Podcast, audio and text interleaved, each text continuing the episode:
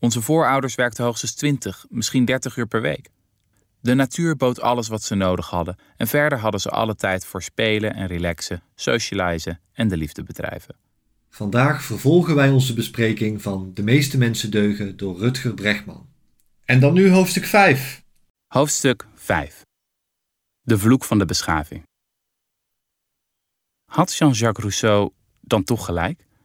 Klopt het dat de mens van nature deugt en dat alles pas misging met het ontstaan van de beschaving toen we neerstreken op één plaats? Zo langzamerhand begon ik wel die indruk te krijgen. Neem het volgende verslag van iemand die in 1492 aan wal ging op de Bahama's. Hij verwonderde zich over de vreedzame bewoners. Ze dragen geen wapens en kennen die ook niet, want ik liet ze een zwaard zien en ze sneden zichzelf uit onwetendheid. Bregman gaat het hebben over de vreedzame bewoners van de Bahama's die onderworpen zijn door de beschaafde, tussen aanhalingstekens Columbus. De Lucayan heette die. Nou, die heb ik even opgezocht. Die hadden al landbouw. Die moet hij dus buiten beschouwing laten. Tenzij hij het wil hebben over waarom zij landbouw hadden en toch zo vreedzaam waren. Want Bregmans stelling is, vanaf de uitvinding van de landbouw en de nederzettingen begon het geweld, begon de ellende. Ja. Dus eigenlijk moet die stam met landbouw buiten beschouwing laten, tenzij het daarover gaat. Ja. Nou, een rivaliserende stam, de Kalinago-stam, die waren veel agressiever, die vielen die Lucayan ook aan en die deden ook aan cannibalisme.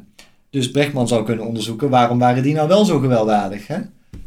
Dat is, dan wordt het interessant. Maar nee, het is gewoon Lucayan vreedzaam, dus die voeg ik even aan. Nu komt er nog een giller. Midden in de Stille Oceaan ligt bijvoorbeeld het kleine eiland Ifalik. Na de Tweede Wereldoorlog hebben Amerikaanse mariniers er een paar keer Hollywoodfilms laten zien om toenadering te zoeken tot de bevolking.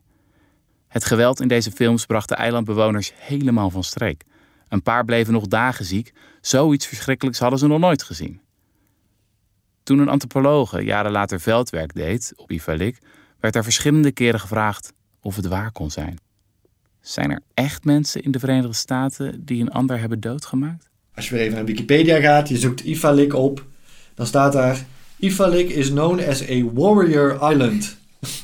Prior to European contact, its warriors invaded the outer islands in Yap as well as some of the outer islands in Chuk. Dus dat maakt deze anekdote heel ongeloofwaardig. En Six Societies heeft ook nog een alinea over Ifaluk, waar een sterke hiërarchie was en de leiders veel voor zichzelf hielden en heel weinig uitdeelden aan de bredere bevolking. Kijk, en nu komt uh, Brechtman terug op de Koen, waarvan we dus net hebben, waarover we dus net hebben gelezen, terecht dat ze heel gewelddadig waren, heel veel moorden hadden. Nu schrijft Brechtman... Neem het volgende incident dat zich afspeelde onder de Koen. De hoofdpersoon was Twi, een stamlid dat eerder twee mensen had vermoord en zich steeds onmogelijker gedroeg. De groep had er genoeg van. Ik citeer.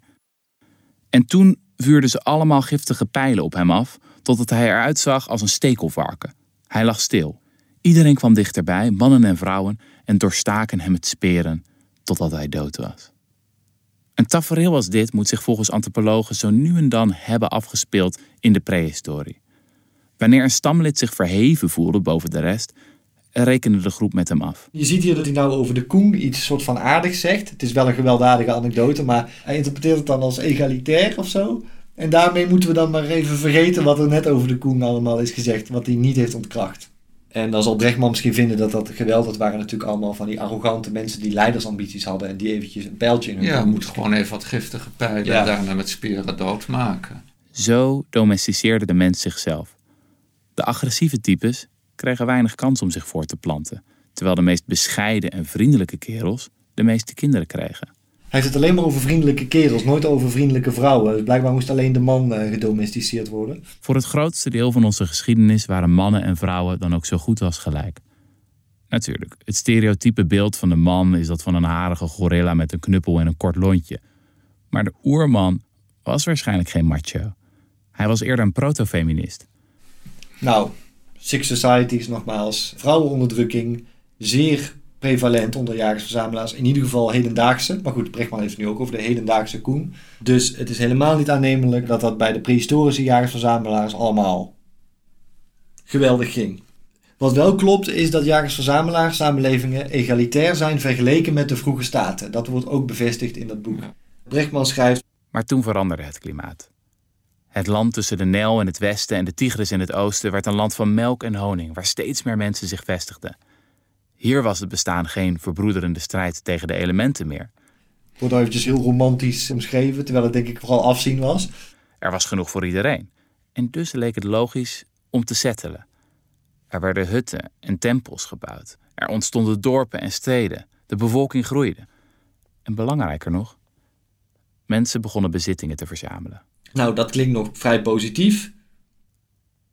Wat zei Rousseau hier ook alweer over? De eerste man die een stuk land omheinde en zei: Dit is van mij, daar ging alles mis. Het moet een enorme klus zijn geweest om mensen te overtuigen dat land, dieren of zelfs mensen iemands bezit kunnen zijn. Als ik uit het raam van mijn woonkamer kijk en ik zie meeuwen, dan zie ik soms dat een wat voedsel heeft bemachtigd en de ander probeert af te pakken. En de eerste dat uiteraard voor zichzelf wil verdedigen. Mhm. En ik denk dat ook in de tijd van jagers en verzamelaars, zeker in de tijd van voedseltekort, als je een beest had bemachtigd en dat uh, als voedsel wilde gaan gebruiken, iemand anders probeerde dat af te pakken, dat je wel degelijk dat als je eigen bezit verdedigde. Ja. Ik geloof er geen sikkepit van dat pas in de tijd toen de landbouw werd uitgevonden, dat het bezit ook werd Ja. uitgevonden. Zoals Brechtman het Ja. formuleert. Hij formuleert zelfs dat het een enorme klus moet zijn geweest om de jagersverzamelaars ervan te overtuigen dat iets je bezit kon zijn. Er moet volgens Brechtman iemand geweest zijn, iemand kennelijk die zo'n beetje helemaal al buiten de normale mensheid stond, Ja. die die enorme klus heeft gedaan. Ja, Uitgevoerd. Ja, dat is, nee, dat is nou van jou, dat beest wat jij net geschoten hebt. Dat, dat mag je nu zelf Ja. opeten. prehistorische Klaas Dijkhoff. Jagers en verzamelaars deelden immers vrijwel alles. Bovendien begon met de uitvinding van het bezit de ongelijkheid tussen mensen te groeien. Na de dood werden eigendommen zelfs doorgegeven aan volgende generaties. Zo werd de erfenis uitgevonden, die de kloof tussen arm en rijk nog verder vergrootte. Brechtman die zegt met de komst van de landbouw en de nederzetting ontstonden hiërarchieën. Ja, En het waren die koningen, die leiders, die opdracht gaven tot oorlog. En die ja, aanzetten tot allerlei Ja. narigheid. Hè? Ja. Die, die bazen. Als we het fenomeen oorlog willen begrijpen, moeten we dan ook kijken naar de machthebbers. Naar de generaals en de koningen, de presidenten en de ministers. Het zijn deze leviatans die oorlog voeren, omdat oorlogen goed zijn voor hun macht en aanzien. Lees het Oude Testament er maar op na, waar de profeet Samuel de Israëlieten waarschuwde voor wat een koning met ze zou doen. Het is een van de meest vooruitziende en sinistere passages uit de Bijbel. Nu gaat Brechtman voor het eerst de Bijbel aanhalen als een soort autoriteit. Gaat hij nog heel vaak doen. Ik ga niet die hele passage citeren, maar wat wel grappig is, is dat het dus een waarschuwing is voor wat de koning zal doen. En dan staat er in die waarschuwing, Hij zal uw slaven, uw slavinnen, uw beste jonge mannen en uw ezels nemen om daarmee zijn werk te doen. Dus die mensen die gewaarschuwd worden hadden al slaven en slavinnen. Antropologen hebben bijvoorbeeld ontdekt dat jagers en verzamelaars een behoorlijk ontspannen leven hebben. Onze voorouders werkten hoogstens 20, misschien 30 uur per week. De natuur bood alles wat ze nodig hadden en verder hadden ze alle tijd voor spelen en relaxen, socializen en de liefde bedrijven. Ja, ik denk dat meneer Brechtman hier toch een iets te rooskleurig beeld heeft van hoe het toeging in de tijd van de jagers-verzamelaars. Zelfs als ze zich niet bezighielden met het eh, eh, oorlog voeren met andere groepjes, dan is het nog steeds zo dat ze anders dan meneer Brechtman geen centrale verwarming hadden en geen doorlopende ziektekostenverzekering. En ze hadden overigens ook geen anticonceptiemiddelen. Dus bij de liefdebedrijven kan het voor mannen misschien plezierig geweest zijn. Ja. Betekent wel dat de vrouwen natuurlijk een continue broedmachine waren. En we lezen dus in Six Societies, het gaat wel over hedendaagse jagersverzamelaars, Mm. maar dat dat werd opgelost met eh, ja, primitieve abortussen en het vermoorden van baby's. Ja, Brechtman die zegt dus eigenlijk de meeste mensen deugen behalve de laatste 10.000 jaar. En want toen kwam dat verzamelen en jagen in het gedrang en kwamen de andere vormen van met elkaar omgaan op. Dat is een dermate relativering van je hoofdstelling. Want eigenlijk alleen die laatste 10.000 jaar zijn voor ons interessant. Of misschien zelfs een nog wel kortere periode. Dat die helemaal niet zeggend wordt. Ja. Dat die een beetje te vergelijken is met de meeste Fransen deugen. Behalve de Fransen die stokbrood eten. Dan blijft er niet veel meer over. En ik denk dat de Maar- meeste lezers die instemmend knikken bij het boek, dat die eigenlijk niet in de gaten hebben dat Brechtman dat eigenlijk zegt. De meeste mensen deugen, behalve de laatste 10.000 jaar. Ja. Want toen is het misgegaan. Nou, die lezers hebben in die zin ook weer een beetje gelijk dat Brechtman zich weer tegenspreekt. En dus ook voortdurend binnen die laatste 10.000 jaar weer eh, probeert eh, dingen recht Ja. te breien, wat hem natuurlijk meestal niet lukt. Nou, nu schrijft Brechtman dat landbouwers een stuk ongezonder waren dan jagers en verzamelaars. Dat wordt bevestigd in Six Societies. Mhm. Die agricultuur die zorgde wel voor meer eten, Mhm. maar er was ook minder variatie in het Mhm. eten. Mensen werden minder oud dan in de jagers-verzamelaars situatie. En ja, dan waren er ook nog, dat beschrijft Brechtman ook, eh, ziektes die van dier op mens oversprongen. Dat was inderdaad een achteruitgang. Daar zou ik wel over willen zeggen dat heel vaak een technologische ontwikkeling nadelen met zich meebrengt. En Deugen, niet deugen heeft er natuurlijk niets Nee. te maken. Nee, ook dat, dat, zou, inderdaad, je- dat vergeet, vergeet je haast. Als je, ik in ieder geval, als, als ik hier, me hierin ga verdiepen, ik vergeet soms dat het bijna geen relevantie meer heeft voor, voor, voor waar het boek eigenlijk over gaat. Nu gaat hij verklaren waarom die achteruitgang heeft plaatsgevonden, Mhm. Brechtman. Hij zegt, De meest logische verklaring is dat we in een val trapten. Tussen de Tigris en de Eufraat ontstond namelijk een zeldzame vorm van akkerbouw, waar je niet hard voor hoefde te werken. Je kon zaaien op grond die ieder jaar overstroomde, waarbij de vloed een zachte laag van vruchtbare slip achterliet. Zelfs een werkschuwe homo puppy wilde het boerenleven toen even uitproberen. De natuur deed toch het meeste werk. Wat onze voorouders niet konden voorzien, was dat de bevolking zou gaan groeien. en door die bevolkingsgroei konden we niet meer terug, eigenlijk. En ook de kennis was verloren gegaan van het jagen en verzamelen. We zaten vast eigenlijk. De val was dichtgeklapt, zegt hij dan. Hier vind ik belangrijk op te merken dat landbouw werd uitgevonden op meerdere plaatsen op aarde die niet met elkaar in contact stonden. Dus ook in Zuid-Amerika is er helemaal onafhankelijk van het gebied waar Brechtman het over heeft landbouw uitgevonden. En ook nog op andere plaatsen. Het was niet een unieke val die zich opende tussen de Tigris en de Eufraat. Nee. Dus dan zijn er tenminste een heleboel vallen. Ja, En dan kun je je af gaan vragen of het niet ook iets met de mens zelf te maken heeft. ja. Ook wil ik graag even aanmerken dat hij het hier heeft over een werkschuwe homo puppy. En dat hij zegt mensen zijn geëvolueerd om bessen te plukken en te luieren. Wil ik even onthouden voor als hij het straks over intrinsieke motivatie eh, gaat hebben. En volgens hem culmineert al deze ellende dan in de laatste ramp, de geboorte van de staat. Een van de, de grote geschilpunten tussen Brechtman en ons is denk ik dat Brechtman de staat op zich als iets heel negatiefs afschildert. En ik denk dat de staat, in ieder geval de democratische rechtsstaat, waartoe we langzaam geëvolueerd zijn, gelukkig, dat dat eh, iets is waar we heel blij mee moeten zijn. Dus het is ook een van de punten waarop Brechtman veel negatiever is dan wij. De staat ontstond pas duizenden jaren na de uitvinding van de landbouw. Brechtman Ja. doet hier alsof het een logisch en onvermijdelijk uit het andere volgde. En hetzelfde trucje zou hij waarschijnlijk niet doen met de geboorte van de staat en onze huidige democratische rechtsstaat. Ja. Als ik zou zeggen, Brechtman, die, die tyrannieke vroege staat, Ja, die heeft uiteindelijk geleid tot onze Ja. verzorgingsstaat of zo. Dan zou hij zeggen, nee, nee, nee, dat, eh, die voorstel die is heel anders en er zitten duizenden jaren tussen. Maar hier doet hij dat wel. Gewoon alsof er geen andere optie was dan het op die manier organiseren. Ja. Op die manier omgaan met die schaalvergroting was blijkbaar de enige optie. ja. Duizenden jaren lang. Oké. Nou, dan zegt hij, Thomas Hobbes, de oude wijsgeer, had er niet verder naast kunnen zitten. Hij beschreef het leven van onze voorouders als smerig, bruut en kort, terwijl het eerder saamhorig, vredig en gezond was. nou, ik zou zeggen, helemaal niet saamhorig als ik. Six Societies lees. Nee. Niet buiten de eigen stam in ieder geval. Ja. En ook binnen de eigen stam beschrijft Edgerton dat er heel veel nadruk moet liggen op samen delen. En dat het dan vaak nog niet lukt om samen te delen. Dat mensen nog voedsel gaan verstoppen.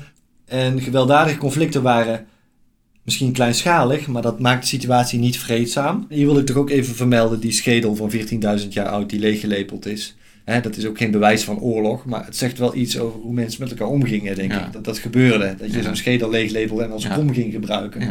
Dat zou heel goed een trofee geweest kunnen zijn, bijvoorbeeld van een overwonnen Ja. vijand. En dat je dat, dat dan doet met zijn schedel. Dat zegt toch wel iets, lijkt mij. Weet je wel, dan ben je geen cosmopoliet, zou ik zeggen. Iets anders dan het grote Ja. En je bent niet gewoon naar een andere vallei gegaan. Nee, nee. Eén ding lijkt wel te kloppen, zoals ik al zei. De jagers-verzamelaars waren iets gezonder omdat ze gevarieerder aten. Maar ze hadden veel minder eten. Nu beschrijft Brechtman dat na de Franse revolutie de beschaving wel beschaafd werd. Hè, in tegenstelling tot die vroege staten. En dan geeft hij toch Rousseau ook een beetje ongelijk. Dan zegt hij, We hoeven dus niet fatalistisch te zijn over de beschaving, zoals Rousseau. De vloek kan worden opgeheven. We kunnen onze landbouw en veeteelt, onze steden en staten anders inrichten, zodat ze voorspoed brengen voor iedereen. Wat dat betreft zat de Franse wijsgeer er falikant naast. Dus hij wil niet zeggen, we moeten van die landbouw af en van dat bezit af, want dat leidt onherroepelijk tot verschrikkingen.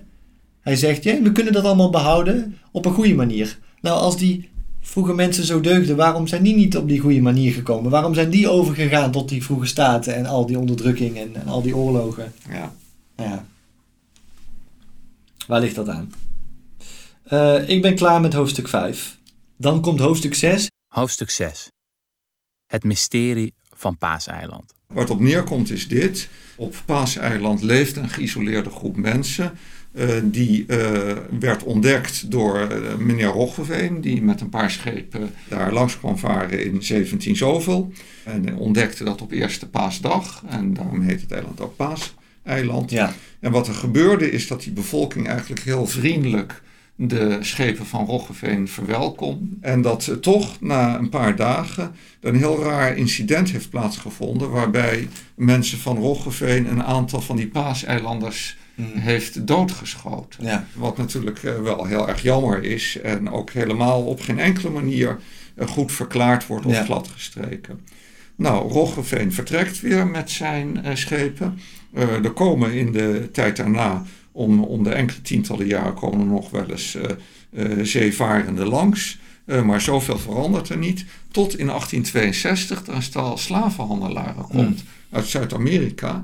En dat neemt een derde deel van de bevolking mee en voert dat af als slaaf naar Peru. Daar moeten ze in mijnen werken en een deel daarvan overleeft dat ook niet. En onder druk van de internationale gemeenschap, eh, kort daarna, moeten die slaven worden vrijgelaten en teruggebracht naar Paaseiland.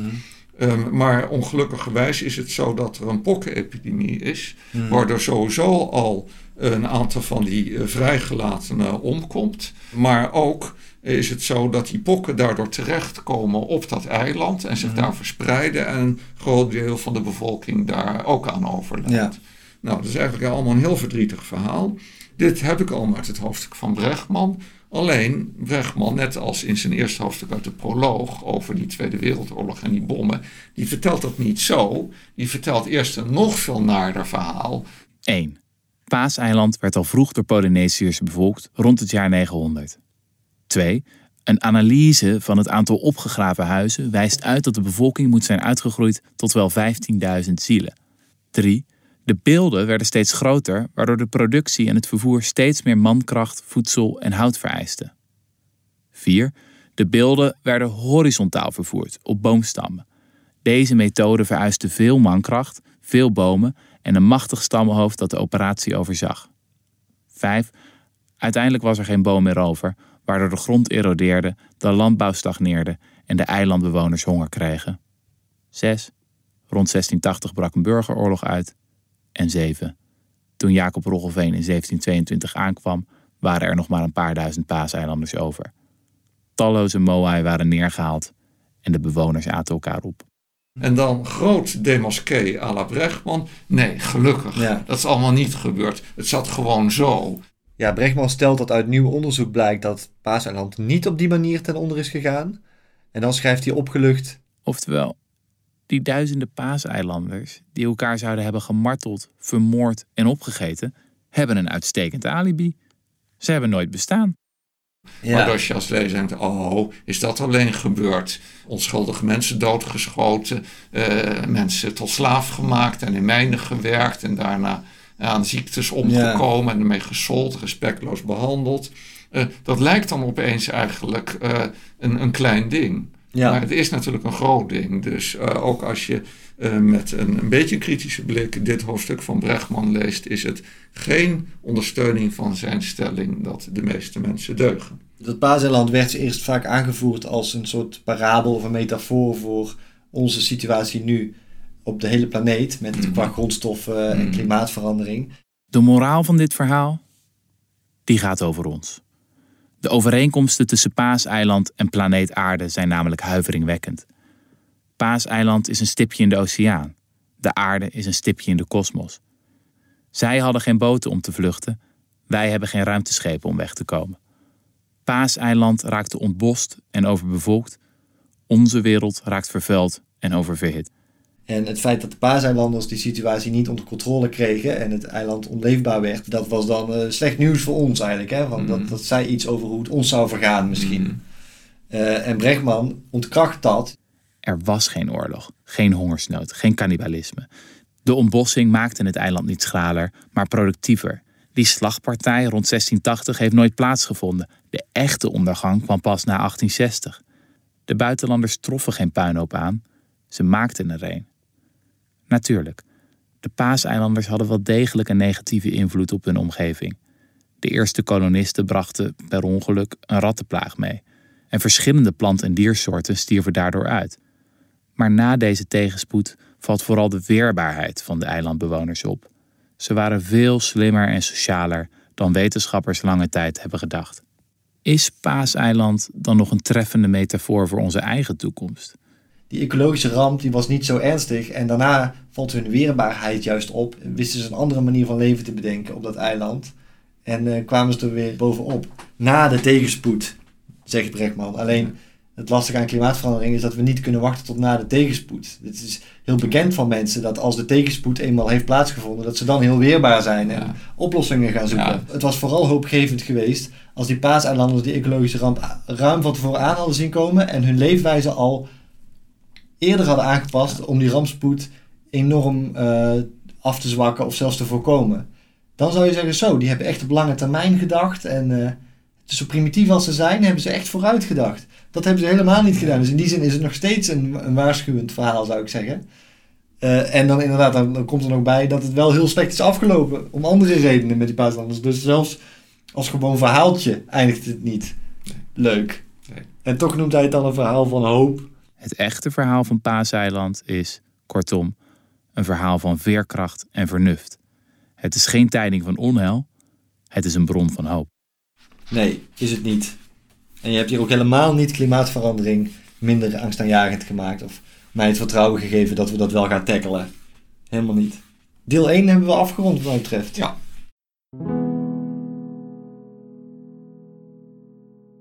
De snijtafel wordt overeind gehouden door donateurs. Wil jij ook doneren? Ga naar desnijtafel.nl.